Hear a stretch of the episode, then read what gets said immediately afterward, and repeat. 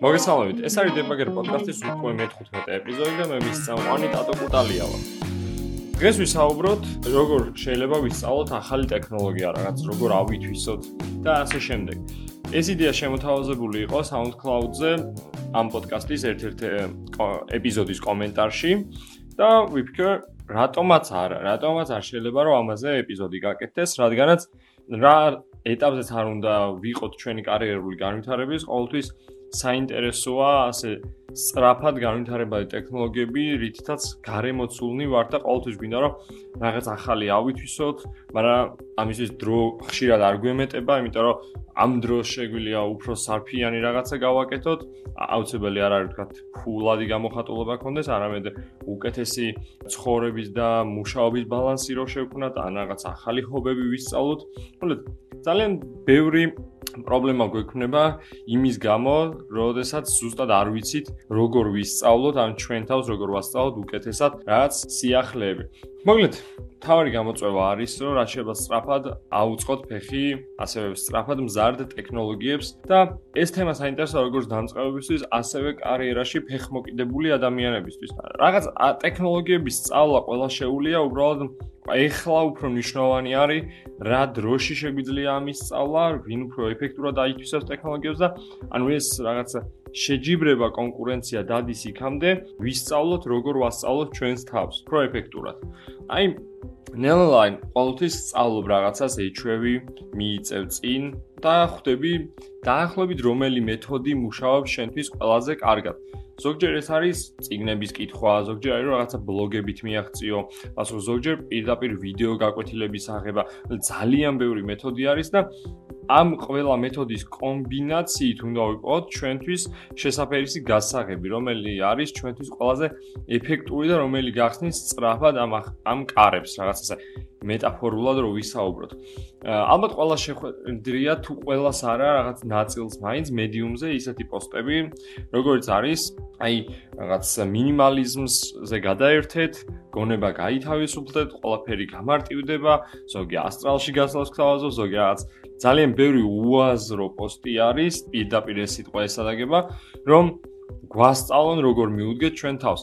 რეალობაში კი ბევრად უფრო რთულია ეს ფორმულა და არ არის რაღაც ერთი შაბლონი, რომელიც ყველა ადამიანს მოერგება და შეგეძლება რომ ეს რაღაც X დროში ისწავლო. იგივე სერიიდან არის GitHub-ზე არის ძალიან ბევრი რეპოზიტორიები. როგორ ვისწავლოთ ეს კონკრეტული ტექნოლოგია და აი ჩამოშლილი არის ძალიან ბევრი ლინკი 10000 სტარია 10000 ვარსკვლავი აქვს იმ რეპოზიტორიას Hacker News-ზე, Twitter-ზე ყველგან რეკლამდება და პრაქტიკული გამოყენება ნული აქვს. ტყუილა დროს კარგავ რეპოზიტორში შეხვიდე, გადაალო რაღაცებს თვალი, თითქოს იმ roadmap, ანუ იმ გზას გაყვე, რომელიც ვიღაცამ დახატა და რეალურად არა, შენზე არ მუშაობს. ну ცალკეული რესურსები შეიძლება იქიდან ამოიღო, მაგრამ შენ უნდა იცოდე შენ თვითონ რომელი რესურსი ან რომელი წყაროდან უკეთესად სწავლო. სწორედ ამიტომ უკეთესი არის პრობლემა დავსვათ სულ სხვანაირად რა. მაგალითისთვის დავსვათ სულ რამოდენიმე კითხვა ჩვენ თავთან, რომელიც დაგვეხმარება გავარკვიოთ რა გვინდა და როგორ შეიძლება რაღაცები სწავლა. მაგალითად, საერთოდ რის მიღწევას ვცდილობთ და რისთვის ვაკეთებთ ამას, ანუ ზოგადად გავეცნოთ ამ ტექნოლოგიას თუ რეალურად რომ უნდა გამოვიყენოთ და ბოლომდე ჩავერთოთ ამ ტექნოლოგიაში. მეორე კითხვა არის რა დროს ვაპირებ რომ ჩავდო ამაში, ანუ რა დრო დავუთმო, ანუ ინვესტიცია რა დრო იჩავდო და რას მივიღებ მე იქიდან. ანუ აუცილებლად არ არის ყოველთვის ეს ფულადი გამოხატულება, ანუ პირველი ამაზე არ უნდა წავიდეთ. ანუ შეიძლება იყოს კარიერული ზრდა მარათონულ დისტანციაზე თუ გავხედავთ ჩვენ კარიერას, ამ კონკრეტული X ტექნოლოგიის სწავლამ შეიძლება მოგწეს უფრო ამეტი აჩქარება კონკრეტულ კარიერაში. ან რაღაც სამსახურეობრივი ბენეფიტები, სამსახურის გარეთ რაც რაღაც კომუნაში, საკუთარ გილდიაში ბენეფიტები. შესაძლოა ეს სიტყვა გილდია ძალიან მომეწონა და ამას წინათ შემთხვევით, ანუ ვიცოდი ეს სიტყვა უბრალოდ მივიწყებული მქონდა და რაღაცა დისკუსიის დროს ისევ ხელახლა აღმოვაჩინე, ანუ აქამდე მიყვარდა სიტყვა კომუნა და დეველოპერების კომუნა და Android-ის კომუნა რაღაცა ეგრე ვამბობდი. კომუნა კარგია, მაგრამ ეს გილდია არის რაც დღეს კიდე რაღაც მაკლია ყურში ქართულ ენაში, მე თვითონ ქართულს თქვა გამართულად ვერ საუბრობ. არ მომწონს რომ ამახინჯებ ამ ინგლისური ტერმინებით, რაღაც ტექნიკურ ტერმინებით, მაგრამ მაინც ეს გილდია არის ძალიან კაი რაღაცა, მაგალითად Android დეველოპერების გილდია რაღაც. კარგად ჭერს რაღაც Warcraft-ის დროს გახსენება შეიძლება. კაი ეს ლირიული გადახვევა. მესამე კითხვა არის რა არის ამ წუთას ჩემი მდგომარეობა? სანამ სწავლას დავიწყებ. რა ეტაპზე ვარ მანამდე რა პრერეკვიზიტები რა სჭირდება ამ ტექნოლოგიას თუ ვიცი. და ეს არის.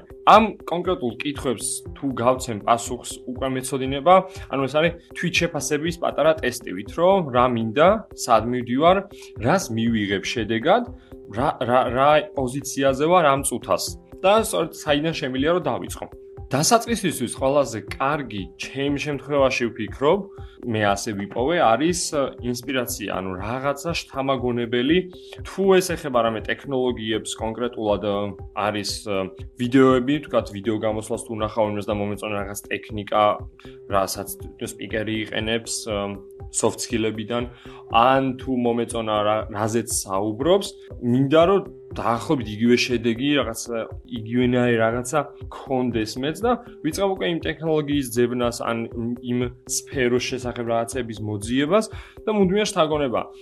აი მაგალითისთვის ცოტა ტექნოლოგიებს მოწყდეთ, იგივე ხდება სხვა ნებისმიერ ჰობიში, სხვა პროფესიებში სირბილი ავიღოთ. მაგალითად, ჩემთვის შთაგონებაა როდესაც წარმოვიდგენ როგორ შემიძლია სადღაც ყეში ან თებში ტრეილზე ხევში ვირბინო თებშუა რაღაცა ზე არის იქითაც კამკამა წყარო მოდის ზემოდან ას ფრინველები რაც ბალახები ოდნავ კოჭთან გედება ხოლმე და ანუ ძალიან სასიამოვნოა და იღლები აღმართებს რომ დააირბინო ეს ქვა ცოტა მტვერი ყველაფერი კუნთები გეჭიმება და ანუ ხვდები რომ რაღაც პრობლემას ეჭიდები და სადღაც გადალახავ. და სწორედ ასეთი ვიდეოებს როდესაც უყურებ რაღაც დოლომიტებში რომ ვიღაცები დარბიან ასე ადამიანები რაც 100 კილომეტრი რო აქვთ გასარბენი ჩემთვის არის ძალიან მაგარი შთაგონება. და ყოველთვის ვიცი რომ აი ბოტასებს როგორც კი ჩავიწმევ ბრძოლისთვის მზად ვარ. დგები რაღაც სულ სხვა პოზიციაში და ამის გარშემო ვეძებ სულ ციგნებს, YouTube ვიდეოებს, ყველაფერი. ზუსტად იგივე ხდება ჩვენს ტექნოლოგიებში და სფეროშიც. უნდა მიიღო შთაგონება, შენთვის შთაგონება შეიძლება იყოს ვიღაცის ზრავი, მარტინ ფოულერი, ვიღაცისთვის შეიძლება იყოს სულ სხვა რაღაცა, იპოვეთ თქვენი რომელიც გინდათ. ამავდროულად ამ სწავლის გზაზე ჩვენ თავს უნდა უთხრათ, რომ შეცდომების დაშვება შესაძლებელი არის ამ სწავლის ზოზე პირიქით უკეთესია რაც მეც შეცდომას დაუშვებთ უფრო მეტს ვისწავლოთ და გაცნობიერ ანუ ამ შეცდომის გაცნობიერება უნდა შეგვიძლია რა შეცდომას რომ დაუშვებთ თქვა არასწორი გზით წავედით სწავლის დროს რაღაც სხვა ანუ რაღაც ისე ვერ გავაკეთეთ როგორც სწავლით დრო უნდა გამოუყოთ და დავიწყოთ შეცდომის ანალიზი და იმ შეცდომიდან ძალიან ბევრი რაღაცის გამოწურვა შეიძლება. თუნდაც ისევ ძალიან ქვედა ლეველზე რო ვთქვა როგორი ერორ კოდები შეიძლება შეგხვდეს როგორი სტრუქტურა შეიძლება რაღაცას გქონდეს რომ მიუხვდეთ სად ვართ ახლა ამ სწავლის პროცესში საომალოდ ვიცით რომ აქ თუ ფეხი ჩაგვივარდა ეს ეს ამას ეს იწევს კონკრეტული ეს შეცდომა და თავიდან უფრო მალე ავირიდებ ძალიან ისე რო ვისაუბროს ზოგადად ყველაზე მნიშვნელოვანი არის სწორი სასწავლო რესურსების მოძიება. მაგალითისთვის ვიტყვი პირადად ისევ ჩემს მაგალითზე რომ გამიადვილდეს ახსნა Andrew NG შეიძლება ყველა მარიცით, მაგრამ არის დღეს, ასაც ქვია, ხელოვნური ინტელექტის აღიარებული ადამიანი, რომელიც კურსერაში ერთ-ერთი დამაარსებელია, ძალიან კაი კურსი აქვს, როგორც აქებენ მოგლეთ, საკმაოდ დაფასებული და ტულოვანი ადამიანია. დავიწყე მისი კურსი, კურსერაზე, რომელსაც ავე 4 ვარსკვლავი ქონდა, 4-ზე მეტი. საკმაოდ ისეთი ყველა აქებდა კომენტარებში და ვსო მეთქი. აი ეს არის რაღაც machine learning-ში პირველ ნაბიჯებს გადავდგამ, ავითვისებ და ნახოთ როგორ გამოვათხო. გავიარე სულ მე მგონი 3 კვირა თუ 4 კვირა და გავჩერდი. იმიტომ გავჩერდი, რომ კურსი იყო მოსაწყენი. იყო იმაზე მეტად რთული დამწყებისთვის ვიდრე ველოდი და საერთოდ machine learning-ზე ანუ მანქანა დასწავლაზე რაღაცა აზრი არ შემცლო და ან საერთოდ ხელი ამიღო თქვა სწავლიდან საერთოდ კურს დავანებე თავი იმიტომ რომ აშკარად არ იყო ეს ჩემი.